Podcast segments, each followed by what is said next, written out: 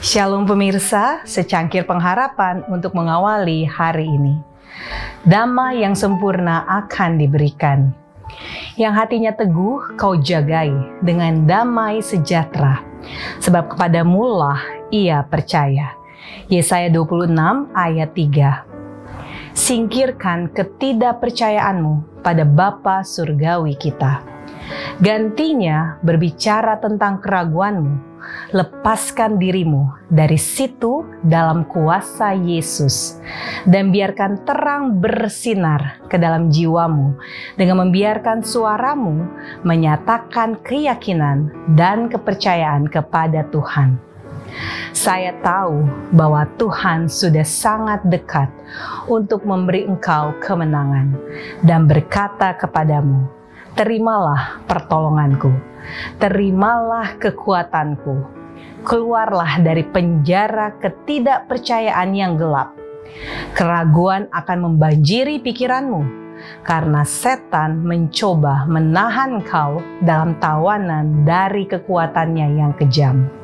Tetapi hadapi dia dalam kekuatan yang Yesus berikan kepadamu dan taklukkan kecenderungan untuk menyatakan ketidakpercayaan kepada juru selamatmu. Jangan membicarakan kelemahan dan kekuranganmu.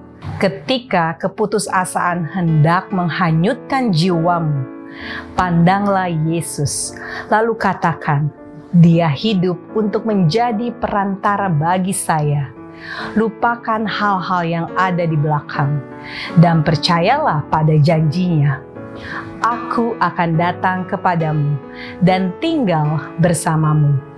Merupakan hak istimewa Anda untuk mempercayai kasih Yesus untuk keselamatanmu dengan cara yang sepenuhnya, paling pasti, dan paling mulia untuk mengatakan, "Dia mencintaiku, Dia menerimaku, aku akan percaya kepadanya."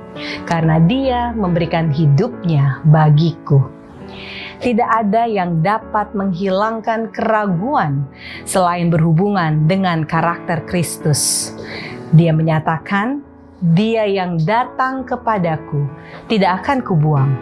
Artinya, tidak ada kemungkinan aku mengusir dia, karena aku telah berjanji akan menerima dia terimalah Kristus dan firman-Nya. Dan biarkan bibirmu menyatakan bahwa engkau telah memperoleh kemenangan. Kedamaian datang lewat ketergantungan pada kekuatan ilahi.